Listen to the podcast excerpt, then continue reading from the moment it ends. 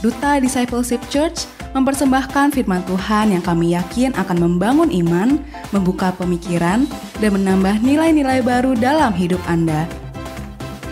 Dari Indonesia, selamat mendengarkan. Shalom Bapak Ibu. Bagaimana kabar hari ini? Biasa, luar biasa. Amin. Khotbah Pak Andreas dua minggu yang lalu tentang apa? Tentang i, iman. Dan selama tiga empat bulan ini kita akan terus disampaikan tentang iman. Iman, iman, iman. Supaya saudara imannya levelnya semakin bertumbuh, semakin baik, semakin percaya dengan janji Tuhan, tidak goyah dengan janji Tuhan, tantangan, rintangan, apa pun yang menghadang kehidupan saudara, saudara tidak akan pernah goyah, saudara tidak akan pernah letih, tidak akan pernah lelah. Amin. Berikan tepuk tangan sekali lagi buat Tuhan.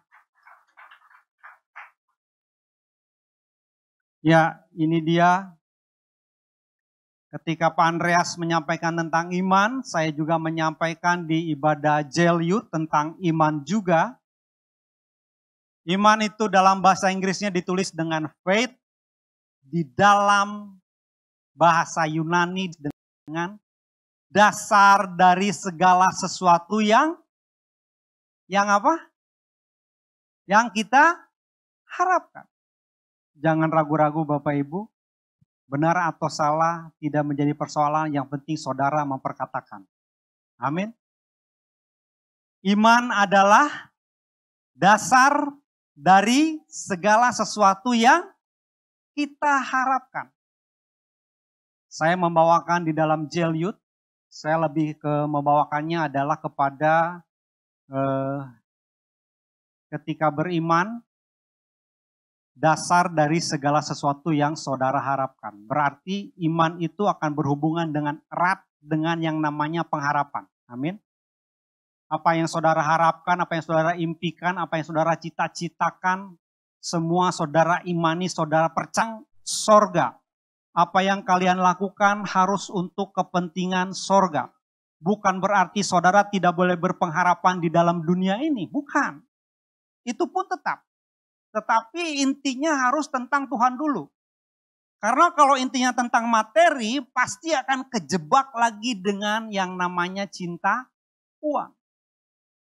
Dan manusia nggak gampang sekali untuk lepas dari yang namanya uang. Makanya Salomo berkata, Tuhan di dalam dunia ini jangan berikan kepada aku dua. Yang satu adalah kemiskinan, yang satu adalah kekayaan.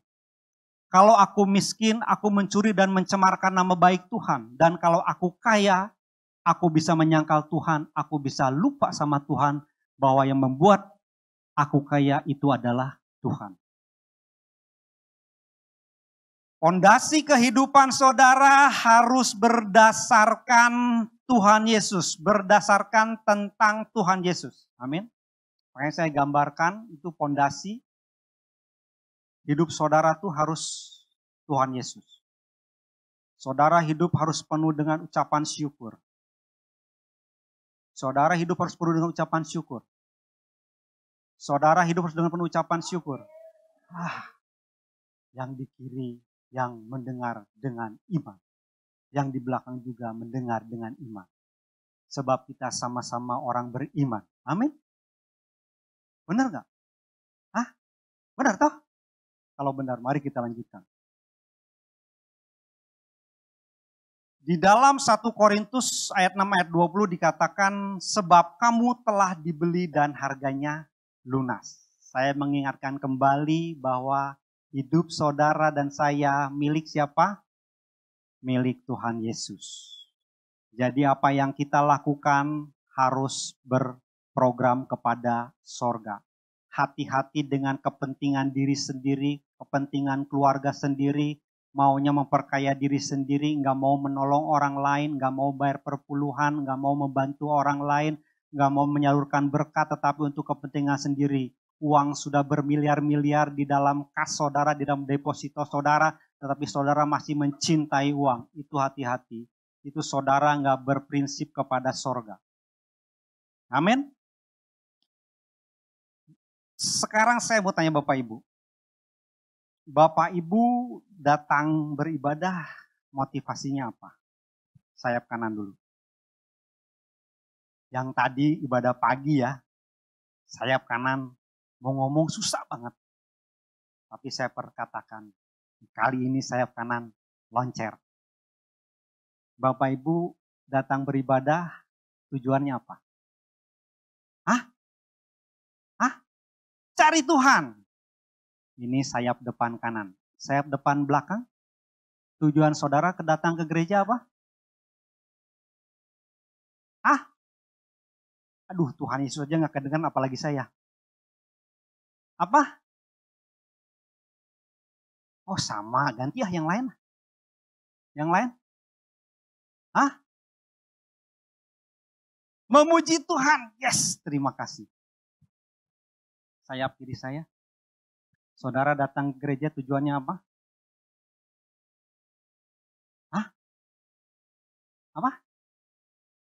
Menyembah Tuhan. Ah, terima kasih. Sayap belakang. Hah? Apa Pak Memuliakan Tuhan. Terima kasih untuk jawabannya Bapak Ibu ya. Bapak Ibu harus belajar mengutarakan pendapat. Ya. Saya pribadi juga eh, orang yang kurang bisa mengutarakan pendapat. Tapi kadang-kadang saya juga bisa mengutarakan pendapat. Mau ngomong itu rasanya aduh gimana ya nanti salah atau apa, tapi itu harus dipaksa. Kalau nggak dipaksa, maka selamanya Bapak Ibu nggak akan pernah belajar untuk menyampaikan pendapat. Ya, itu pertanyaan itu penting ya nanti ada hubungannya dengan slide-slide selanjutnya kita keep dulu ya. kalau kelupaan ngebahas kasih tahu ya kalau nggak kasih tahu bablas terus akhirnya Tema saya hari ini adalah dari mana datangnya iman. Ini iman bukan suaminya Ibu Tabita ya, lain ini ya. Itu iman Santoso. Dari mana datangnya iman? Sayap kanan saya lagi. Yang lain, laki-laki, tadi dua-duanya perempuan. Dari mana datangnya iman? Hah? Pendengaran. Pendengaran apa? Pendengaran akan firman. Wah, powerful banget. Sayap kiri, harus yang lain. Jangan sama. Beta katong beda warna. Jadi saudara harus menyampaikan warna yang lain. Sayap kiri saya. Dari mana saudara bisa punya iman? Dari mana itu datangnya? Dari hati. Kiri apa kanan tadi yang ngomong? Kiri, terima kasih. Udah seimbang. Balance berarti ya. Dari mana datangnya iman? Maka ayatnya kita akan baca bersama-sama. Dua, tiga.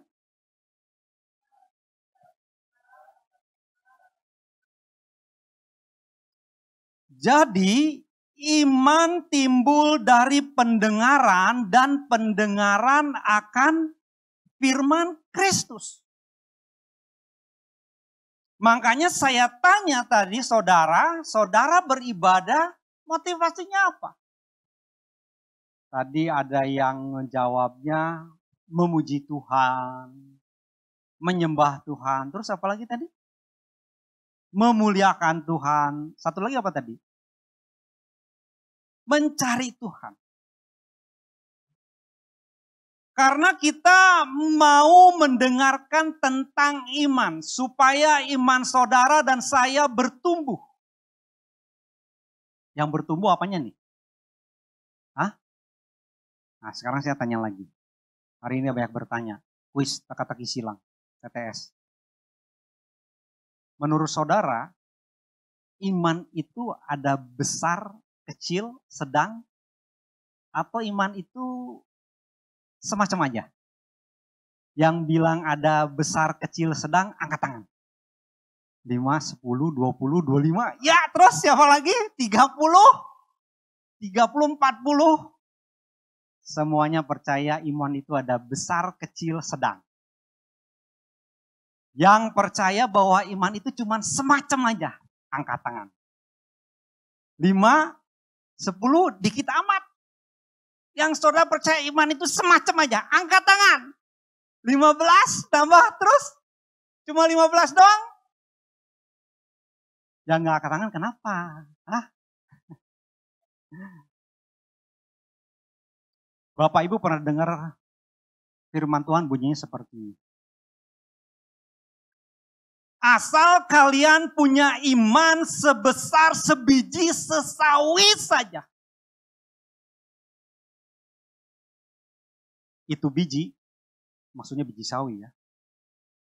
Dia itu biji yang paling kecil dari segala biji-bijian yang ada di dunia ini. Bunyi ayatnya selanjutnya apa?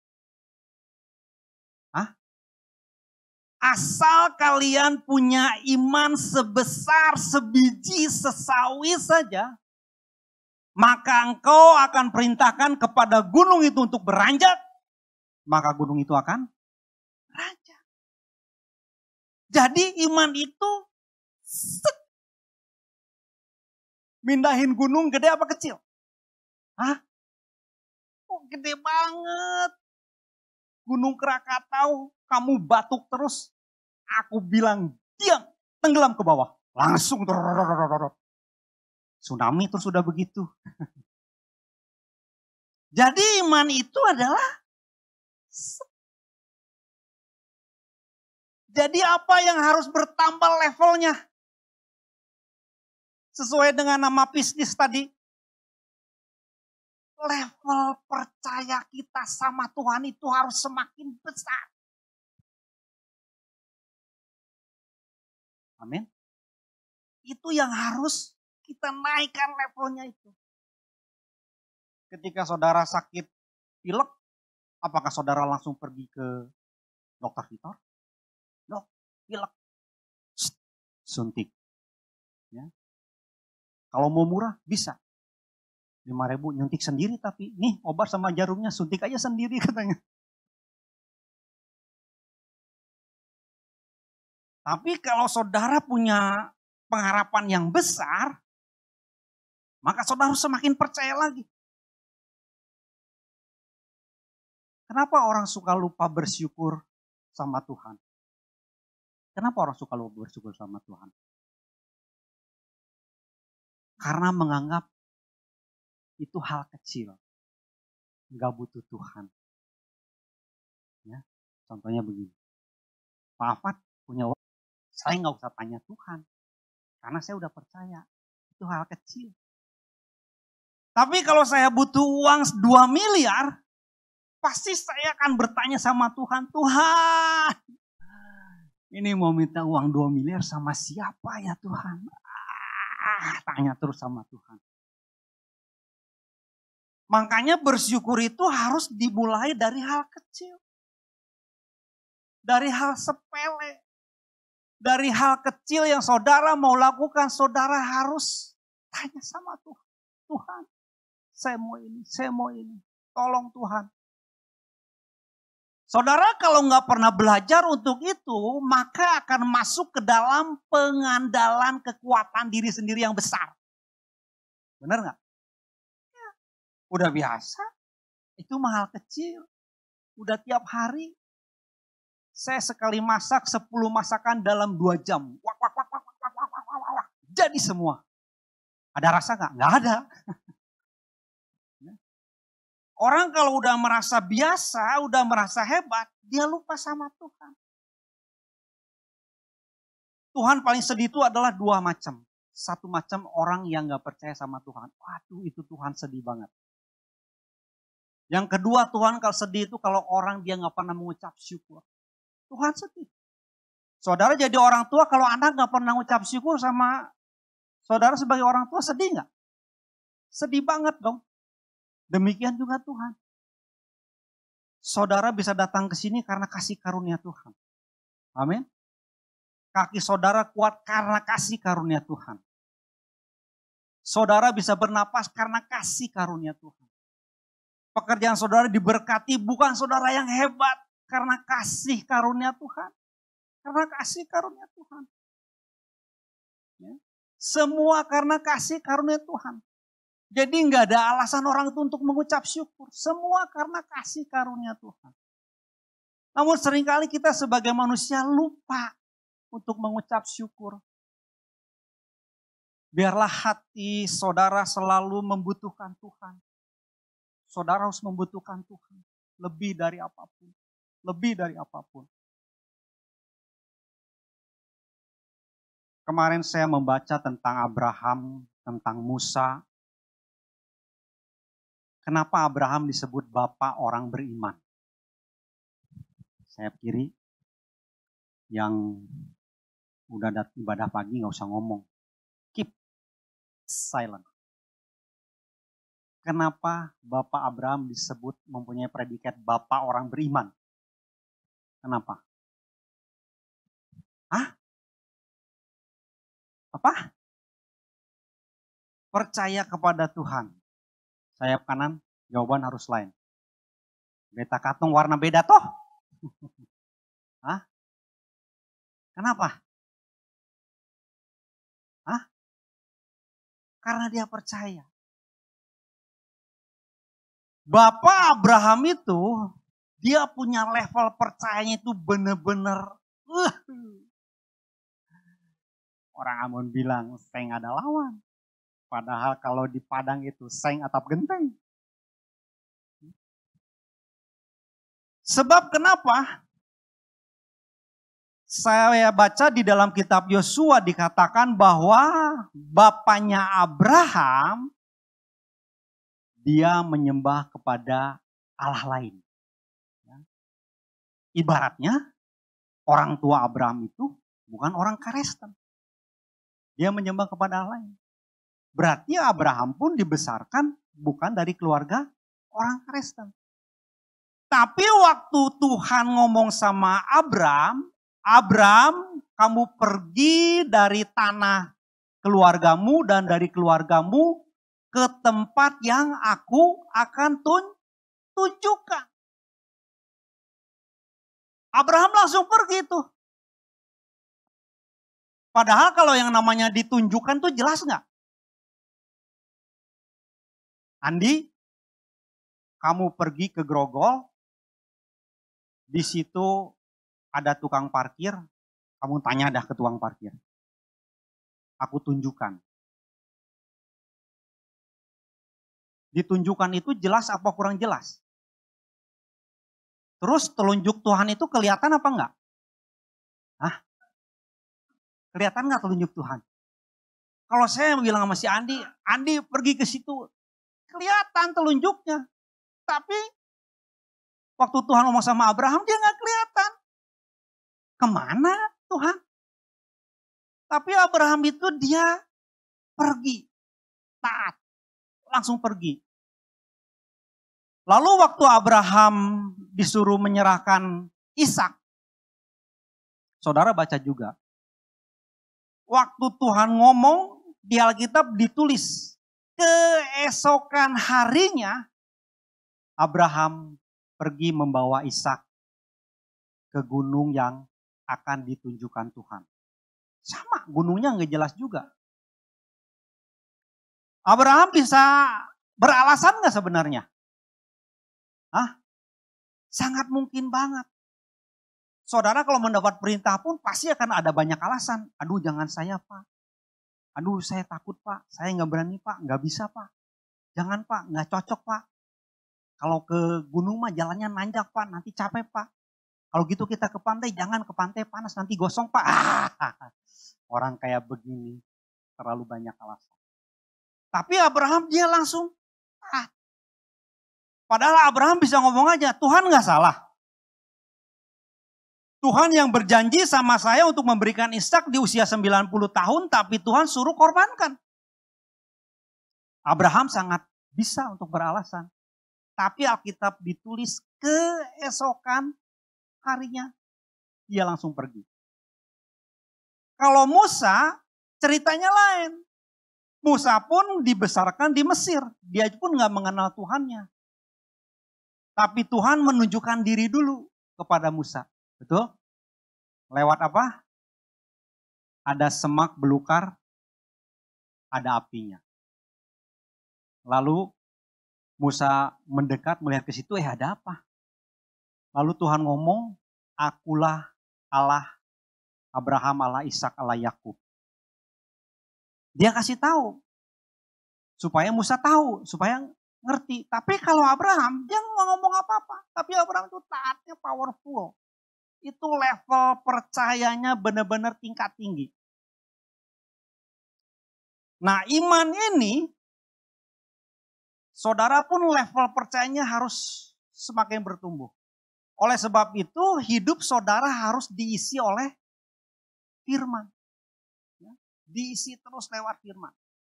Saudara harus dicuci otaknya oleh firman. Yang dicuci apanya? Hah? Iya otaknya, maksudnya apa yang, yang di otak itu apanya? Hah? Hah? Pikiran dunianya itu. Saya dari SD, SMP, SMA, sampai kuliah, hidup saya, sampai malah sampai bekerja, sampai menikah, saya hidup benar-benar asli orang Bandung. Maksudnya asli orang dunia. Saya orang dunia banget. Ya, kasarnya hidup dengan penuh dosa, bukannya berlumpuran dosa lagi, e, berkubang di dalam dosa. Ya. Tapi ketika 2001 saya bertobat, saya mulai sedikit demi sedikit dicuci otak. Ya pikiran dunia itu harus dicuci terus. Sama firman, sama firman, sama firman. Karena kalau nggak dicuci, itu dunia saya itu, dagingan saya itu, emosi saya itu, jahatnya saya itu pasti muncul terus. Saudara harus pahami bahwa manusia itu ada benih dosa. Sekalipun ketika percaya sama Tuhan Yesus, kuasa dosanya itu udah dipatahkan. Amin. Kuasanya. Tapi keinginannya itu kan ada terus. Selama saudara ada daging, maka keinginan daging itu pasti muncul terus. Emosi pasti ada. Rasul Paulus pun berkata, aku mau melakukan yang baik. Tetapi yang jahat itulah yang yang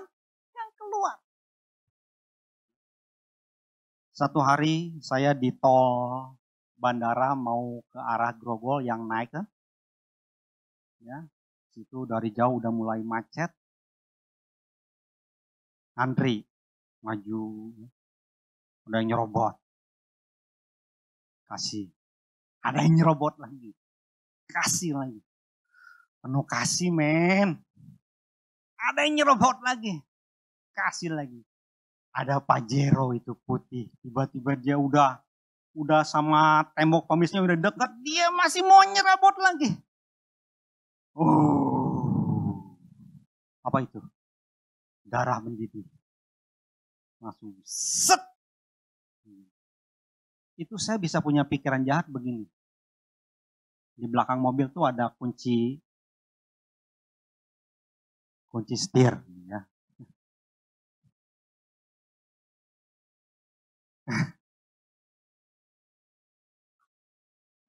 Saya bilang dalam hati, lu nyenggol aja sepion gua. Gua bantai sama ini besi. Itu bisa keluar pikiran begitu. Dan kalau saya nggak men-shut down, nggak menahan emosi, saudara nggak belajar untuk menahan emosi saudara, maka itu akan meledak. Itu namanya pikiran jahat. Jadi semua pikiran jahat, pikiran negatif saudara harus shut down. Harus shut down. Ketika mendapat perintah, muncul pikiran negatif, mau komen ini, mau komen itu, mau nolak ini, nolak itu, itu harus shut down. Akhirnya saya biarkan dia untuk melewati. Kalau enggak, waduh bahaya. Saya bisa nyesel-nyesel kalau sampai kejadian begitu. Makanya saudara di mobil itu nggak boleh ada senjata tajam. Itu ada spiritnya. Itu baru kunci setir loh. Coba kalau saudara nyimpan golok. Wah itu auranya udah kayak abang jampang aja loh. Baru goyang dikit aja. Udah mau begini aja. Jadi di dalam mobil itu nggak boleh ada senjata tajam.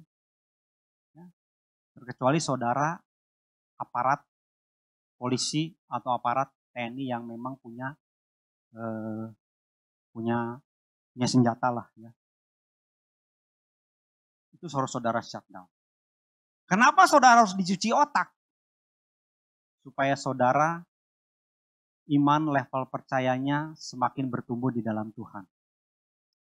Bapak Ibu, teroris ya, dia bisa sampai ke arah berani meledakkan diri, itu paling cepat saya baca di mencari referensinya ya, tiga bulan. Tiga bulan si orang ini mencari orang. Kalau yang tiga bulan bisa jadi, orang itu harus dalam keadaan nggak ada pengharapan. Rasanya mungkin, aduh hidup ini kenapa susah begini ya, apa Pokoknya nggak ada pengharapan. Nah ini orang yang begini tiga bulan jadi. Tapi kalau orangnya nggak begitu, itu minimal enam bulan. Dan bulan-bulan pertama dia harus dimasukkan ke dalam satu ruangan yang gelap gulita, hening, nggak ada suara. Cuman masuk adalah dakwah-dakwah. Itu namanya cuci otak. Kalau sampai udah masuk, set kedalaman hati, ke dalam alam bawah sadarnya, maka dia diperintahkan apa pun dia akan berani. Demikian kita pun harus dicuci otak terus. Maaf, semakin orang itu usianya semakin dewasa, semakin tua, dan kalau dia baru bertobat, itu benar-benar butuh kasih karunia Tuhan supaya dia bisa dicuci otak oleh firman.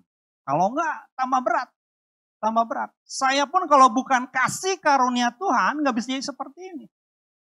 Karena saya benar-benar orang dunia banget. Ya. Satu hari, ini ada cerita Bapak Ibu. Ada burung, seekor burung. Jangan ketawa dulu Bapak-Bapak. Burungnya ini burung beo. Tahu Bapak Ibu burung beo? Ya, yang bisa mengikuti apa aja, suara apa aja. Dan burung ini kalau ditarik sama si pemiliknya ya, katakanlah pemiliknya Pak Yono gitu ya. Bukan Pak Yono ini, Pak Yono orang gereja. Karena burung ini kalau ditarik kaki kirinya, dia bisa shalom, wis. Pokoknya ini pemilik burung ini dia cinta banget, sayang banget sama burungnya. Saudara tawar 5 miliar, dijual langsung sama si Yono ya 5 miliar jual aja. Nanti kita latih lagi satu burung lagi ya. Ingat, ini bukan burung gembala, ini burung Pak Payono.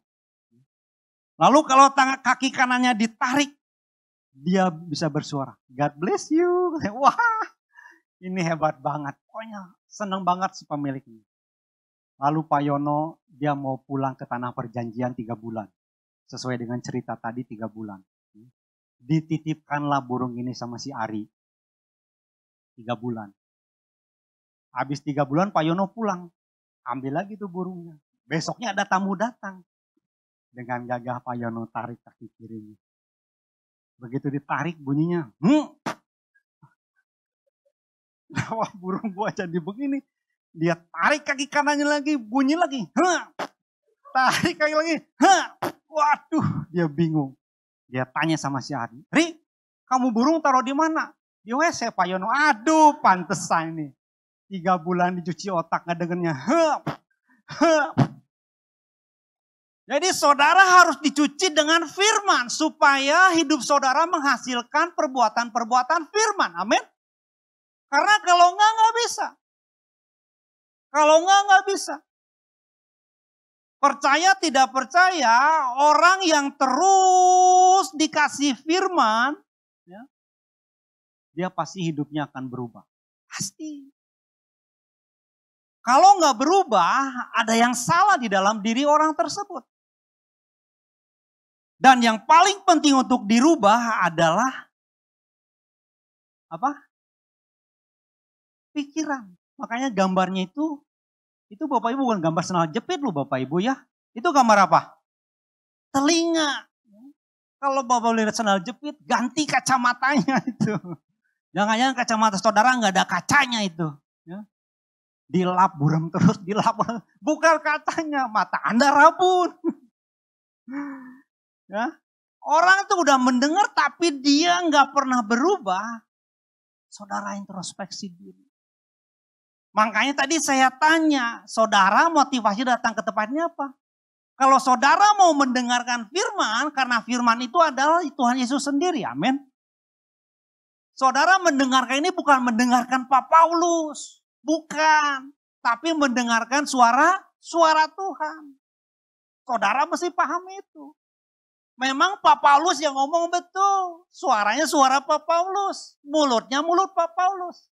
Tapi Tuhan yang memberikan itu semua buat saudara. Amin. Kalau saudara selama menganggap itu manusia yang menyampaikan, saudara nggak akan pernah connect dengan sorga. Makanya kalau saudara cinta sama Tuhan, saudara akan senang untuk mendengarkan firman. Makanya tadi saya tanya, Saudara ke tempat ini tujuannya apa? Saudara cinta sama Tuhan apa enggak?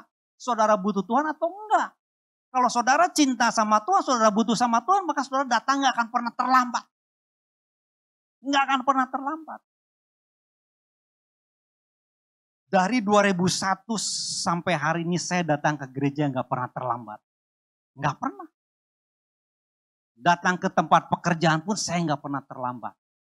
Enggak pernah terlambat ke mana-mana belajar untuk on time. Kalau saudara ke gereja datang sering terlambat, saudara tanya sama diri sendiri, saudara butuh Tuhan nggak? Ingat, saudara bisa bernapas itu karena Tuhan. Amin. Karena Tuhan. Bukan karena siapa-siapa, karena Tuhan. Saya dulu diajak datang ke gereja nggak pernah mau. Nggak pernah mau. Tanya istri saya. Waktu pacaran, dia mau ke gereja, aku antar ke mana pun kau mau ibadah. Gunung lautan akan ku seberangi kudaki. Hmm. Udah nikah, mau ke gereja, pergi aja sendiri. Nggak mau saya datang ke gereja. Beneran nggak mau. Karena saya berpikiran untuk apa saya datang ke gereja kalau hidup saya belum benar. Masuk logika nggak? Hah? Saudara yang pakai-pakai logika, dengan Tuhan itu nggak bisa pakai logika. Kalau pakai logika babak blur, nggak akan bisa pernah nyambung. Emang benar ngapain ke gereja dulu? Hidup masih nggak karuan. Ntar aja udah tunggu benar baru ke gereja. Tapi itu begitu pertama kali datang ke gereja, itu pendeta ngomong begini. Kalau Anda tunggu hidup Anda berubah, maka nggak akan pernah bisa Anda datang ke gereja. Wah.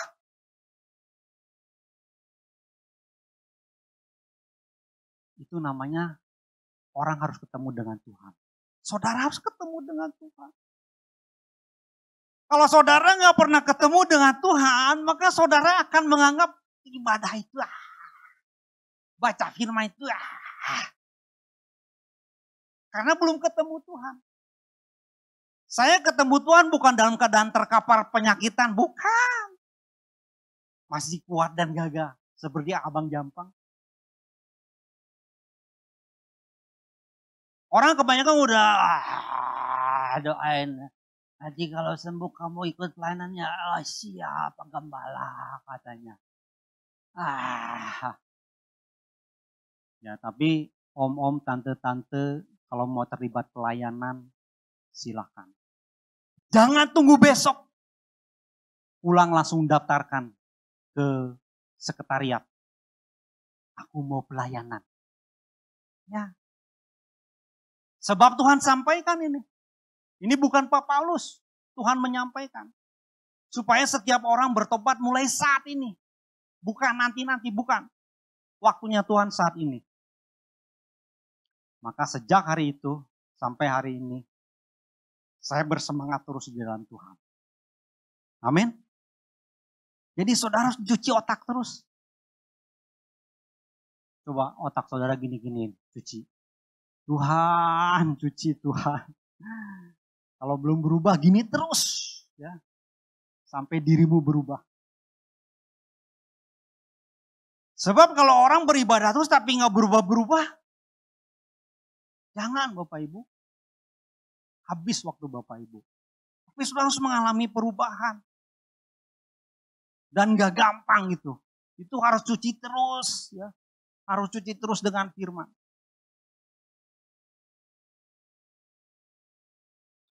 Ini ayat bagus sekali. Kita baca Roma 12 ayat 2. Di dalam terjemahan FAYH itu adalah firman Allah yang hidup. Dua, tiga. Jangan meniru tingkah laku dan kebiasaan dunia ini, melainkan jadilah orang dengan kepribadian yang sama sekali baru dalam segala perbuatan dan pikiran. Niscaya saudara akan mengerti dari pengalaman sendiri bahwa jalan-jalan Allah itu sempurna dan sungguh-sungguh memuaskan saudara.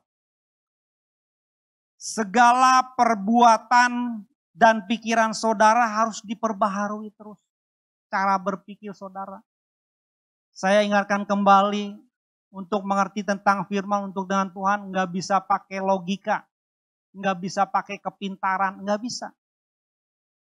Kemarin teman baik saya bertanya, bro, dia nanya mengenai meng, mengenai Allah Tritunggal. Gini gitu. Saya bilang tentang Tuhan, tentang Allah Tritunggal, jangan pakai logika. Kalau nggak pakai logika, nggak bisa nyambung. Allah anak, Allah Bapa, Allah Roh Kudus, satu pribadi, tiga pribadi, ini di sono, ini di sana. Wah, nggak bisa. Pokoknya kamu percaya aja. Oh begitu ya. ya. Jadi tentang Tuhan saudara nggak bisa pakai logika. Saudara percaya. Sama seperti Abraham, dia percaya, dia nggak pakai logika. Kalau pakai logika dia pasti bertanya. Tuhan ke gunungnya gunung yang mana? Tuhan kan tuh lihat itu. Di sana ada tiga gunung Tuhan. Dan kalau naik gunung itu bukan sebentar. Itu Abraham naik ke gunung untuk pengorbanan tiga hari baru kelihatan gunungnya itu. Oh itu bukitnya. Itu tiga hari jalannya loh. Jadi Tuhan tolong kasih tahu yang jelas dong. Kalau kan nanti aku capek, bolak-balik, bolak-balik. Nggak ada grab Tuhan yang ada onta. Jadi tolong yang jelas Tuhan. Enggak, Abraham enggak, langsung aja. Pergi aja, jalan aja. Nggak tahu ke mana tapi Tuhan tuntun.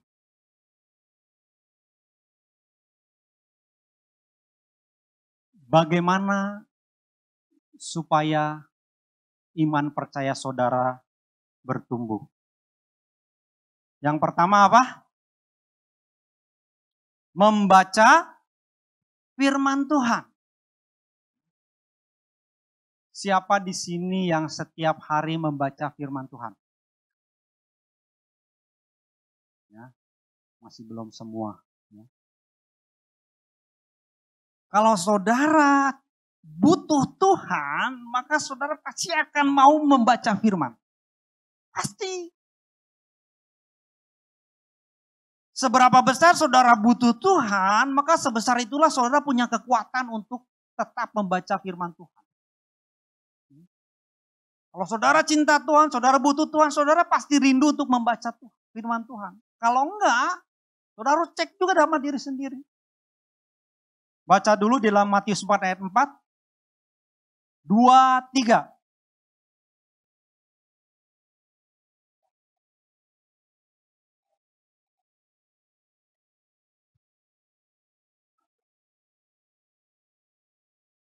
Yang wajib kita lakukan ialah menaati firman Allah, setiap firman Allah.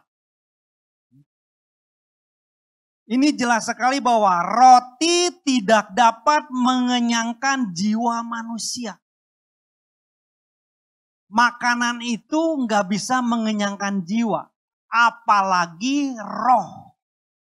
Roh itu nggak ada hal apa pun yang bisa mengenyangkan roh saudara selain firman Tuhan. Selain firman Tuhan, nggak ada lagi. Makanya saudara harus minta terus sama Tuhan supaya saudara tuh begitu cinta sama Tuhan. Tuhan. Dan saudara harus berusaha terus untuk membaca firman Tuhan. Godaannya banyak nggak? Hah? Oh banyak banget. Sibuk pekerjaan. Bangun kesiangan akhirnya harus cepat-cepat beberes-beres-beres berangkat kerja. Bangun tidur sibuk urus anak terus. Sibuk ini sibuk itu akhirnya lupa membaca firman Tuhan.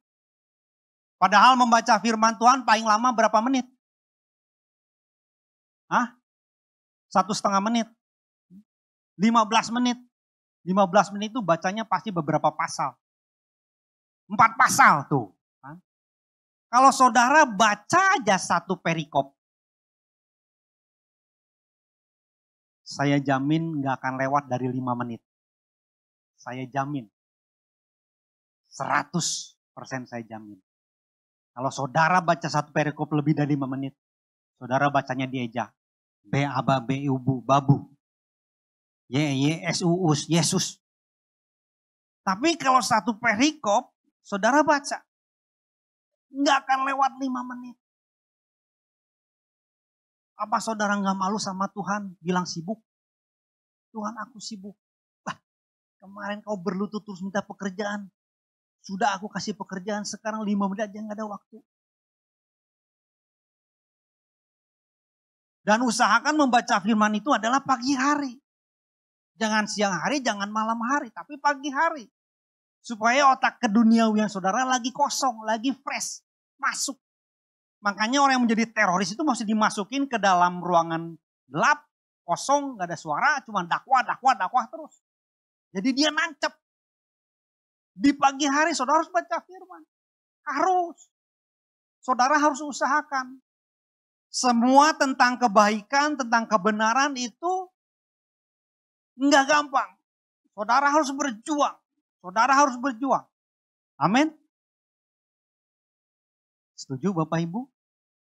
Siap membaca firman Tuhan? Setiap hari? Di pagi hari? Wah tambah lama tambah begini terus. Amin, amin, ah, amin. Gitu Bapak Ibu. Siap membaca firman Tuhan? Setiap hari? Di pagi hari? Sampai Tuhan sudah datang kedua kali? Haleluya. Ya, amin. Yang kedua apa kira-kira? Habis membaca firman Tuhan. Hah? Berdoa. Selain berdoa apa lagi? Itu bisa jadi satu poin lagi tuh. Bisa dua hari dua malam kita khotbah. Selanjutnya adalah, ini saudara lagi ngapain nih? Ah, itu dia. Saudara harus beribadah setiap minggu. Agenda apa pun saudara sebisa mungkin saudara singkirkan. Sebab ini adalah hari sabat, hari untuk Tuhan. Ya. Saudara harus usahakan. Jangan nggak diusahakan. Baca dulu ayatnya biar mantap. Dua, tiga. Tetapi Jauhilah tahayul dan dongeng nenek-nenek tua. Latihlah dirimu beribadah. Terus?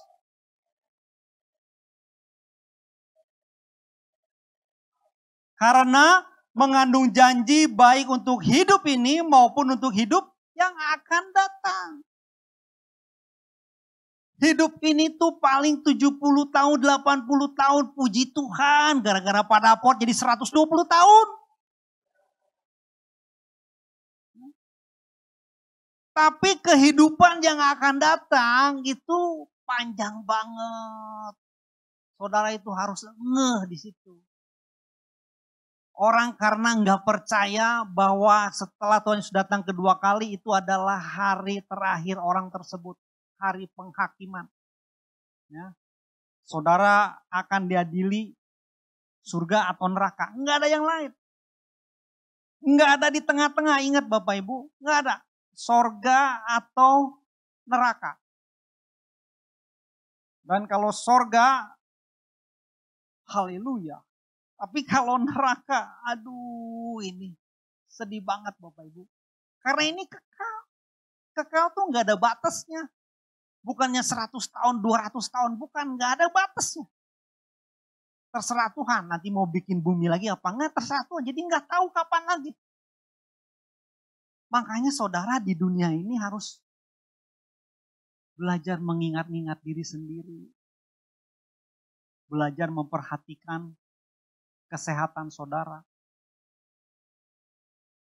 Karena kalau saudara memperhatikan kesehatan, saya mau beritahu saudara, itu akan menolong saudara memperhatikan tentang kekekalan. Benar nggak? Saudara belajar hidup sehat, saudara akan tuai nanti usia 60 tahun, 70 tahun, 80 tahun, sampai 120 tahun. Itu saudara pasti tuai. Tapi kalau saudara nggak jaga kesehatan, tahu sendiri saudara. Ya. Makanya saudara jaga kesehatan. Jaga, jangan nggak dijaga. Manusia itu maunya yang enak-enak terus. Makanan maunya yang enak-enak. Kemarin pembantu saya, aku paling sebel ngecium ini nih. Baunya, ih, bapak itu tiap hari minumin terus. Katanya. Yang nggak enak itu yang sehat.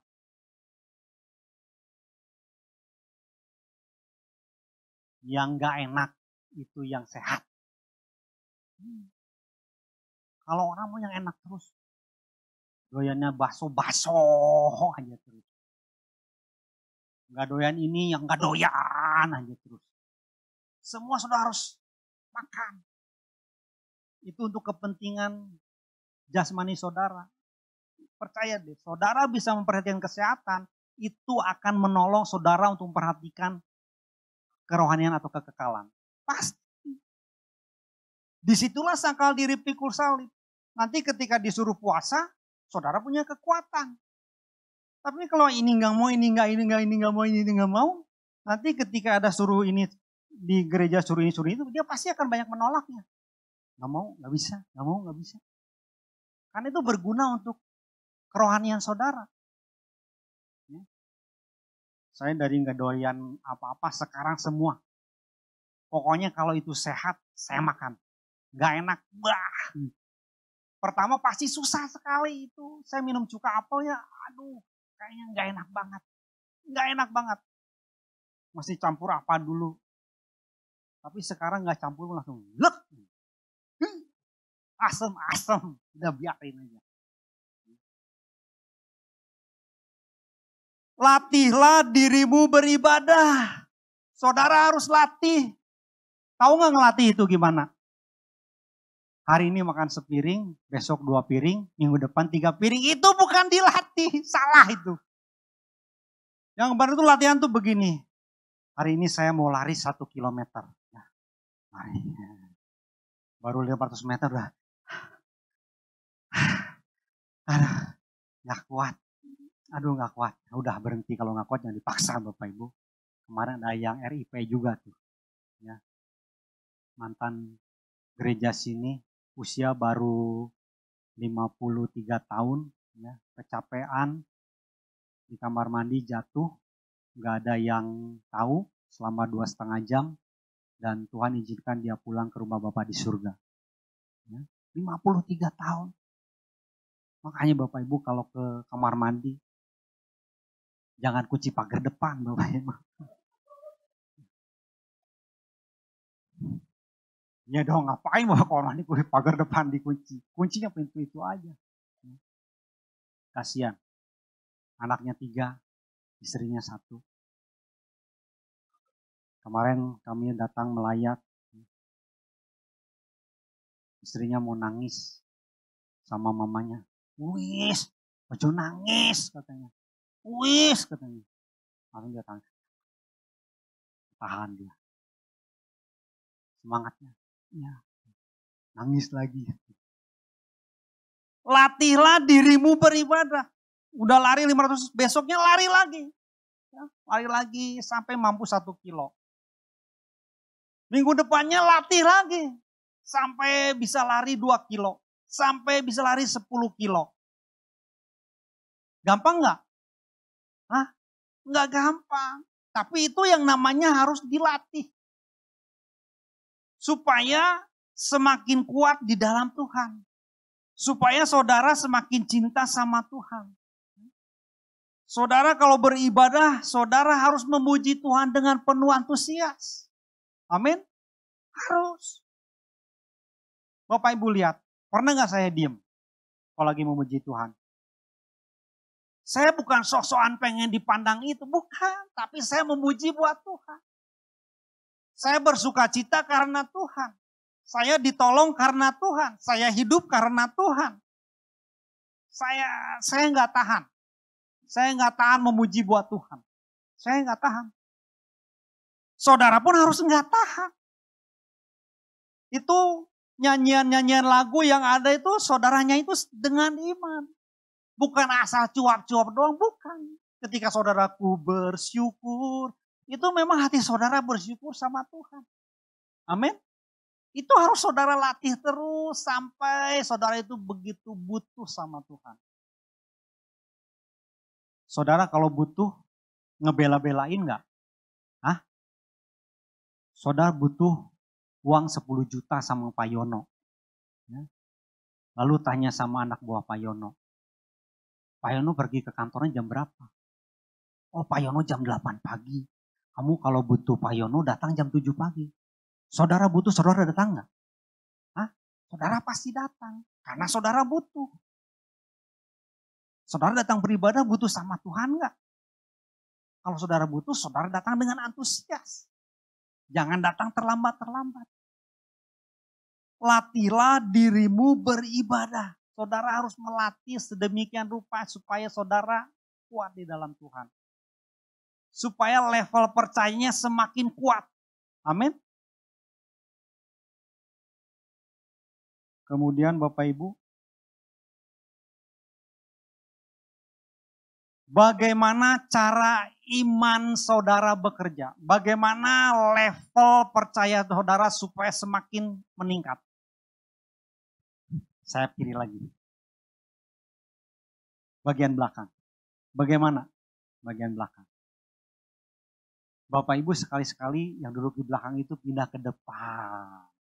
Jangan di situ-situ terus. Ya. Pindah ke depan di depan itu urapannya lebih besar. Setidak-tidaknya kecipratan sama pengkhotbah. Saya seminggu dua kali ngeliatin Pak Andreas terus begini. Kadang-kadang pada pot saya liatin, kadang-kadang Ibu Ria saya liatin, kadang-kadang mau korban saya liatin. Saya plototin terus. Kalau di belakang, godaannya tinggi. Bisa ngantuk. Bisa nggak? Bisa. Yang di depan aja kadang-kadang ngantuk gini. Itu kalau mata tuh kalau udah berat tuh aduh gitu. Batu kiloan di sini 10 kilo 10 kilo gini lah. Makanya saudara lihat kalau di sebelah ngantuk, saudara harus ingatkan dia. Karena itu firman Tuhan tuh penting untuk kehidupan saudara yang akan datang. Harus ingatkan. Tusuk. Jangan pelan-pelan. Kalau pelan-pelan dia gini lagi langsung. Tapi kalau keras dia kaget sedikit marah pasti biasanya. Tapi itu menolong, menolong nggak? Menolong, pasti agak segar lagi lima menit begini lagi.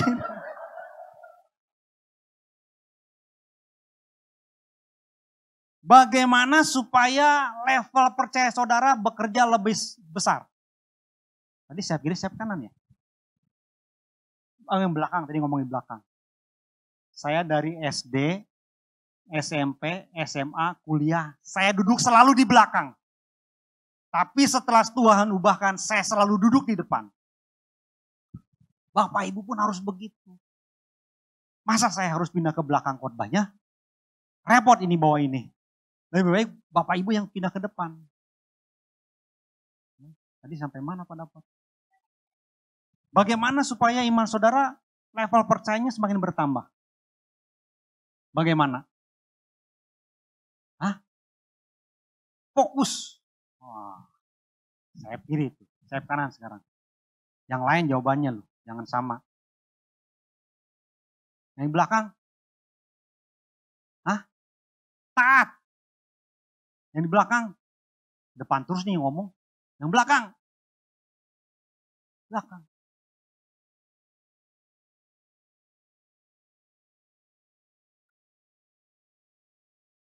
Apa harus diapain? Harus dilakukan. Dua tiga. Dua tiga. Dua tiga. Baca dua tiga.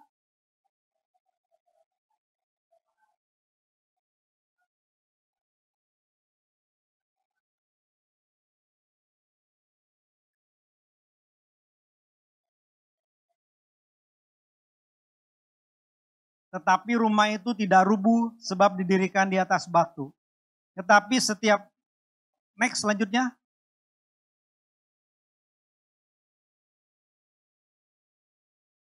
Ya, dua, tiga. Tetapi setiap orang yang mendengar perkataanku tidak melakukannya, ia sama dengan orang yang bodoh yang mendirikan rumahnya di atas pasir. Kemudian turunlah hujan dan datanglah banjir, Lalu angin melanda rumah itu sehingga rubuhlah rumah itu dan hebatlah kerusakannya. Jadi saat saudara dicuci otak dengan firman, saudara terima terus firman, terima terus, terima, terima terus, saudara harus lakukan. Kalau nggak dilakukan, dikatakan seperti orang bodoh yang mendirikan rumahnya di atas pasir.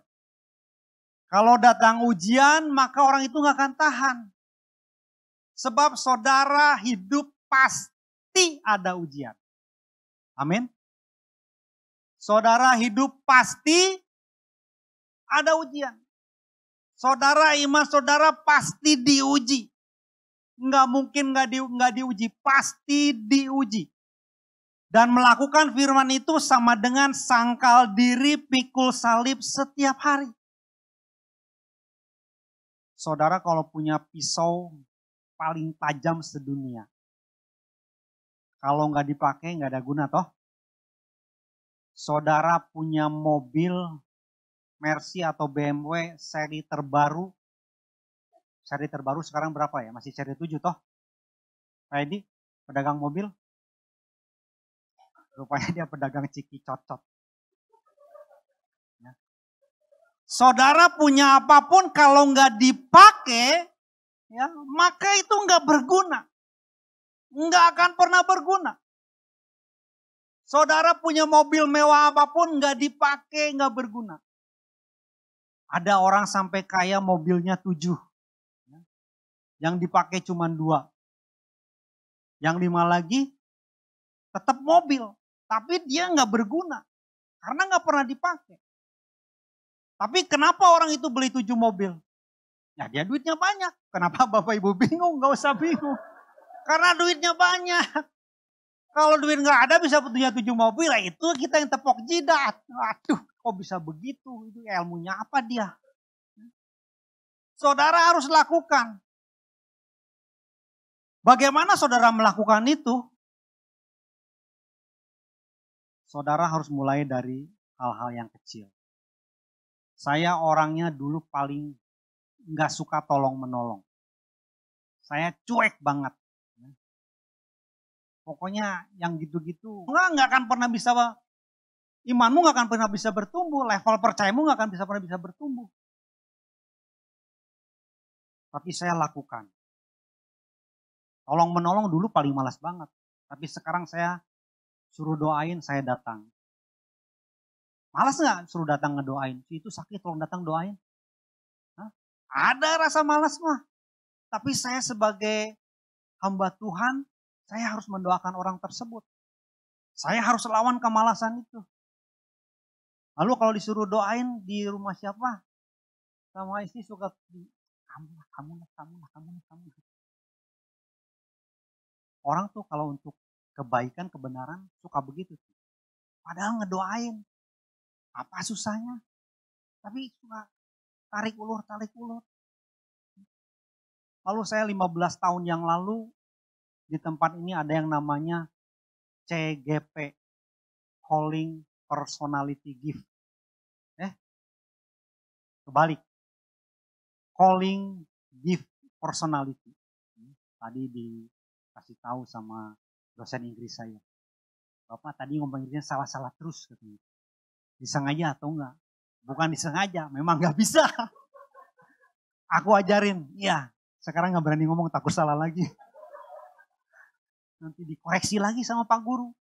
Ya. Saya CGP hasilnya keluar, saya punya karunia mengajar dan menasehati. Dulu waktu rumah itu, ini ngawur, ini error. Mana mungkin saya punya karunia mengajar. Ah, dulu waktu kuliah saya ngelesin, murid cuma satu-satunya nggak naik kelas, resign lagi dia. Boro-boro nasehatin orang yang aja ngajak rusak orang terus. Tapi sekarang karena kasih karunia Tuhan, saya bisa begini. Saya bisa nasihatin orang. Ya. Teman baik saya sampai ngomong sama saya, cuman kamu doang kalau ditanya nasihat, benar jawabannya. Saudara kalau lagi banyak masalah, jangan bertanya sama orang dunia. Jawabannya bahaya. Bahaya. Benar menurut otak saudara, belum tentu benar menurut Tuhan. Saudara harus bertanya sama orang yang merohani. Supaya jawabannya pas. Kalau nggak pas, sedikit melesetnya. Tapi tetap betul. Tapi kalau sama orang dunia, melesetnya banyak. Dan salah itu. Bisa tabrakan kalau naik mobil. Dulu saya asli pemberontak banget. Adik saya saksinya. Sama papa saya berantem. Sama kakak saya berantem. Cuma sama adik aja. Karena adik baru digini aja udah nangis dia. Ah, saya sama siapa aja nggak takut punya. Berantem terus. Tapi sekarang saya belajar taat. Otoritas ngomong apa taat. Taat. Dulu sama istri galak banget. Galak banget. Bener galak. Bapak Ibu nggak percaya? Percaya aja pokoknya. Galak banget.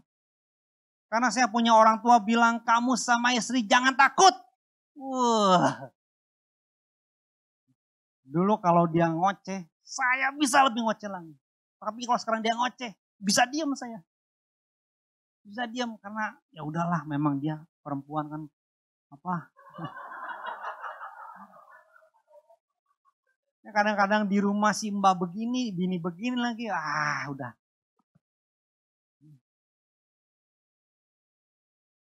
Kalau istri mau ke Bangga Dua, anterin bapak-bapak. Kok nggak amin bapak-bapak? Hah? Anterin, jangan sibuk terus untuk urusan diri sendiri. Anterin itu istri ke Bangga Dua.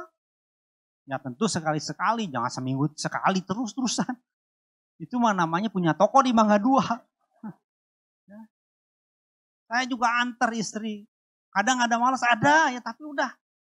Anterin dia. Dulu mah sama istri ah, ngehina terus. Gak ada gak ngehina, pasti ngehina terus. Udah ngomong kasar, udah di goblok-goblok, udah di Itu gak gampang untuk merubah itu. Tapi dengan firman itulah terus. Dan itu harus dilakukan. Saudara harus lakukan. Kalau nggak dilakukan maka nggak bisa. Nggak mendarah daging firman. Tapi kalau saudara dilakukan, itu akan mendarah daging. Jadi powerful. Amin Bapak Ibu. Lalu ada satu kesaksian. Hidup itu pasti ada ujian. Amin. Makanya level percaya itu harus semakin kuat di dalam Tuhan. Saya di tahun 2018, 2017, 2018 itu usaha itu ujiannya gede banget. Ujiannya besar sekali. Sampai membuat gak enak banget. Banyak bengongnya, menyalahi diri sendiri. Aduh, kenapa Tuhan? Dan saudara harus yakini bahwa saudara punya musuh si jahat itu yang akan membuat pikiran saudara itu ngaco. Ya. Pikiran negatif itu itu itu bisa muncul, sangat bisa. Makanya saudara harus menang di alam pikiran. Saya ngerti betul kenapa orang itu bisa gila. Karena dia nggak menang di alam pikiran. Dan iblis itu akan gocok terus di pikiran. Saya nyalahin diri sendiri terus. Kenapa Tuhan begini terus? Kenapa Tuhan? Saya bisa nyalahin Tuhan. Saya sangat bisa. Tuhan, saya ibadah sama Tuhan. Saya begitu cinta Tuhan. Setiap minggu saya pasti datang beribadah. Saya nggak pernah lelah melayani Tuhan. Tapi kenapa Tuhan? Apa salah saya? Ya. Dagang selama 10 tahun bukannya tambah bagus, ya. malah utang tambah gede. Aduh, gak enak banget. Dan firman itu, itu saudara akan butuhkan ketika ada ujian datang. Dan firman itu kalau nggak kuat saudara pegang, maka bisa lepas maka bisa lepas. Dan iblis itu akan berusaha sekuat tenaga supaya saudara pikirannya digonjang-ganjingkan terus. Supaya saudara nggak percaya sama janji Tuhan. Supaya saudara lemah imannya. Nah, saya berdoa terus sama Tuhan. Tuhan tolong. Tuhan tolong. Tuhan tolong. Berdua sama istri ya. Memuji, menyembah. Tuhan tolong. Satu hari berdua lagi muji Tuhan. Saya bilang lagunya jangan lagu itu. Kalau gitu nanti sedih saya bilang. Lagunya yang jalan hidup orang benar. Istriku mau nyanyi lagu, lagunya sedih. Ah, langsung dia nangis berdua. Sudah aku bilang jangan nyanyi lagu itu. Dia masih mau lagu itu juga. Akhirnya kami menangis berdua, ah, Tuhan tolong. Dan kalau bukan karena Tuhan dan bukan karena komunitas orang benar, saya nggak akan tahan. Dan kalau bukan banyak orang-orang yang mendoakan saya, saya nggak akan tahan. Nggak tahan. Nggak sanggup, aduh Tuhan, tolong. nggak enak banget. Akhirnya pelan-pelan pulih. Pelan-pelan pulih, semangat lagi. Jangan bengong, jangan bengong, jangan bengong. Semangat lagi, semangat lagi memuji Tuhan lagi. Satu hari mobil saya, saya serahkan sama importir buat bayar utang. Saya pergi, bos, ini mobil saya untuk bayar utang, nanti sisanya saya cicil lagi. Ya. Pulang saya naik ojek pulang naik ojek nangis saya bapak ibu. Aduh meradang lagi hati. Aduh kenapa? Ah. kuatin lagi hati sama Tuhan janji Tuhan ya dan amin janji Tuhan ya dan amin. Percaya lagi percaya lagi. Nah itu adalah level percaya saudara akan diuji. Apakah saudara akan tetap kuat atau saudara akan menyalahkan Tuhan itu main di pikiran.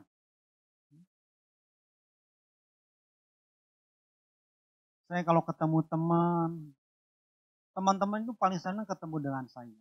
Ya, karena saya sedikit banyak punya karunia menghibur orang. Ya. Jadi orang tuh senang dengan saya. Saya pulang dalam hati, lu mah enak hahi-hahi nih. Aduh. Pulang lagi, kusut lagi ke rumah, ketemu istri lagi. Untung istri mantap banget. Jangan nangis yang. Ya, oh, suami istri itu harus kasih kekuatan. Ya, suami itu harus kasih kekuatan, istri itu harus jadi penopang.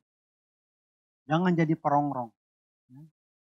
Hari ini pembacaan kitab saya tentang para is, eh, apa kawin campur dengan orang Moab Akhirnya mereka yang menyembah kepada Allah bisa pindah ke ilah-ilah lain. Istri itu peranan penting. Ibu-ibu, peranan penting istri itu. Amin. Yang kenceng. Akhirnya saya menguatkan diri lagi. Tuhan, saya percaya terhadap janji Tuhan. Terhadap janji Tuhan, saya tidak akan pernah goyah. Saya harus menguatkan diri sendiri. Lagi begini pun saya masih banyak ngedoain orang lain. Ada customer dari Bengkulu, dia juga sama, terlibat utang juga, miliaran. Sampai dia pergi dari rumah. Orang tuanya cari saya, tolong cariin itu katanya. Dia nggak mungkin jauh-jauh dari bandara itu katanya. Aduh, tapi saya cari ke mana dalam hati orang bisa pergi suruh nyari ke mana. Akhirnya saya cari-cari ke sekitar bandara, hotel-hotel situ, nggak ada. Lalu saya ke Alfamart. Saya kasih lihat fotonya. Mbak, mbak, pernah lihat orang ini nggak? Oh iya, dia sering beli rokok di sini. Waduh, puji Tuhan banget. Saya bilang, saya kasih duit 100 ribu. Kalau orang ini datang lagi, telepon saya ya. Ya, besoknya benar dia telepon. Langsung saya datang ke TKP. Ternyata dia nginap di sebelah Alfamart itu. Saya tungguin di hotel itu. Gak lama datang. Langsung tangkap tangan. Wah, bro, saya doain. Padahal sendiri juga lagi bulu kusut lagi, tapi saya doain. Saya doain, kamu harus kuat. Saya bilang, kamu harus kuat. Saudara harus jadi berkat. Amin. Sekalipun kaki lagi goyah. Tapi ketika ada orang yang lebih goyah lagi, saudara kuatin. Jangan aduh sama, aduh. Wah udah itu. Bisa dua-duanya minum baygon itu. Tapi kasih kekuatan. Kamu harus kuat. Kamu harus pulang. Kasihan anak istri saudara. Kasihan. Ya kok, ya kok, saya pulang. Nanti malam kita makannya. Ya, saya pulang. Kabur dia dari situ. Aduh, saya nyari lagi ke mana ini nyari lagi anak itu. Saya cari lagi ke seluruh hotel di daerah situ. Daerah sini ya. Nggak ada. Saya mikirnya dia nggak mungkin pergi dekat dari hotel itu. Pasti agak jauh saya bilang. Saya cari yang jauh. Rupanya di situ-situ juga hotelnya. Aduh. Saya akhirnya saya jadi ini detektif. Nungguin mana. Pasti orang itu kan keluar makan, nggak mungkin nggak makan. Bener aja. Wih, itu orangnya ada. Dari jauh saya liatin, dia maju, saya maju, dia mundur, saya mundur. Ih, gini ya. Dia berhenti di warung, saya diem lagi dari jauh. Terus saya liatin, akhirnya Oh, dia masuk hotel situ. Rupanya hotelnya di seberangnya. Ay, saya nyari jauh-jauh, dia pindah di seberangnya. Langsung saya telepon orang tuanya di hotel itu. Ya udah, nanti dia malam datang. Tapi saya bilang saya malam nggak bisa, saya ada pemuridan. Urusan Tuhan dulu. Amin. Sekalipun dia penting, tapi urusan Tuhan dulu, pemuridan dulu. Aduh, gimana nih pemuridan? Udah. Saya telepon teman saya. Kamu temanin dia Tangkap itu orang. Siap, komandan. Dapat, wah udah kayak orang India nangis-nangisan. Orang tua sama mamanya. Nah sekarang dia udah dalam pemulihan terus. Dalam pemulihan terus. Jadi ujian itulah yang akan membuat saudara level percayanya naik. Tanpa ujian level percaya saudara nggak akan nggak akan pernah bisa bertumbuh. Tapi lewat hujan itu saudara, Tuhan aku percaya. Saya percaya Tuhan. Di situlah saudara percaya sama janji Tuhan. Amin. Jadi ketika ada level ujian, saudara harus lakukan dengan baik. Saudara harus hadapi dengan baik. Hadapi. Jangan nggak hadapi. Semua pikiran negatif saudara itu harus saudara matikan. Saudara disuruh pelayanan, saudara nggak mau, nah itu saudara harus matikan. Saudara harus terlibat pelayanan. Saudara nggak mau baca firman, saudara harus paksa ikut baca firman. Saudara malas ibadah itu harus paksa. Itu namanya latihlah dirimu beribadah. Itu yang namanya dilatih. Supaya level percayanya semakin bertumbuh di dalam Tuhan. Amin Bapak Ibu. Bapak Ibu, keselamatan itu adalah milik semua orang.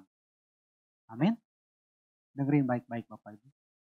Keselamatan itu adalah milik semua orang. Tetapi tidak semua orang mendapat kasih karunia untuk mengenal Tuhan Yesus. Saudara yang punya kasih karunia untuk mengenal Tuhan Yesus, saudara harus pegang baik-baik itu iman. Karena enggak semua orang. Makanya Tuhan Yesus bilang tugas kita adalah menyampaikan kabar baik. Sampai ke ujung bumi. Kitalah yang bertugas. Siapa yang mau menyampaikan kabar baik di sana? Nggak ada. Sampai dia gede mati di situ nggak ada. Jadi nggak semua kasih karunia itu sama. Jadi saudara yang punya kasih karunia, saya ingatkan kembali saudara harus pegang baik-baik. Iblis akan berusaha supaya saudara imannya lemah. Ketika ada ujian, saudara menjadi lemah. Disuruh datang beribadah, nggak mau, saudara harus paksa. Karena yang terbesar itu adalah keselamatan. Amin. Keselamatan terbesar. Well, singer musik boleh maju.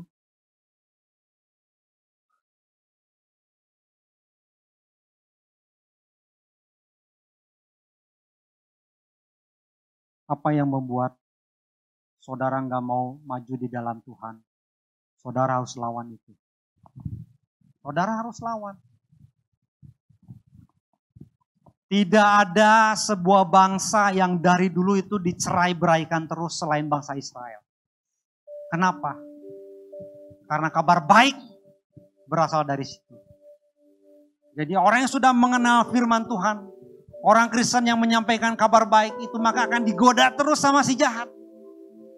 Saudara harus kuat. Saudara harus kuat. Amin.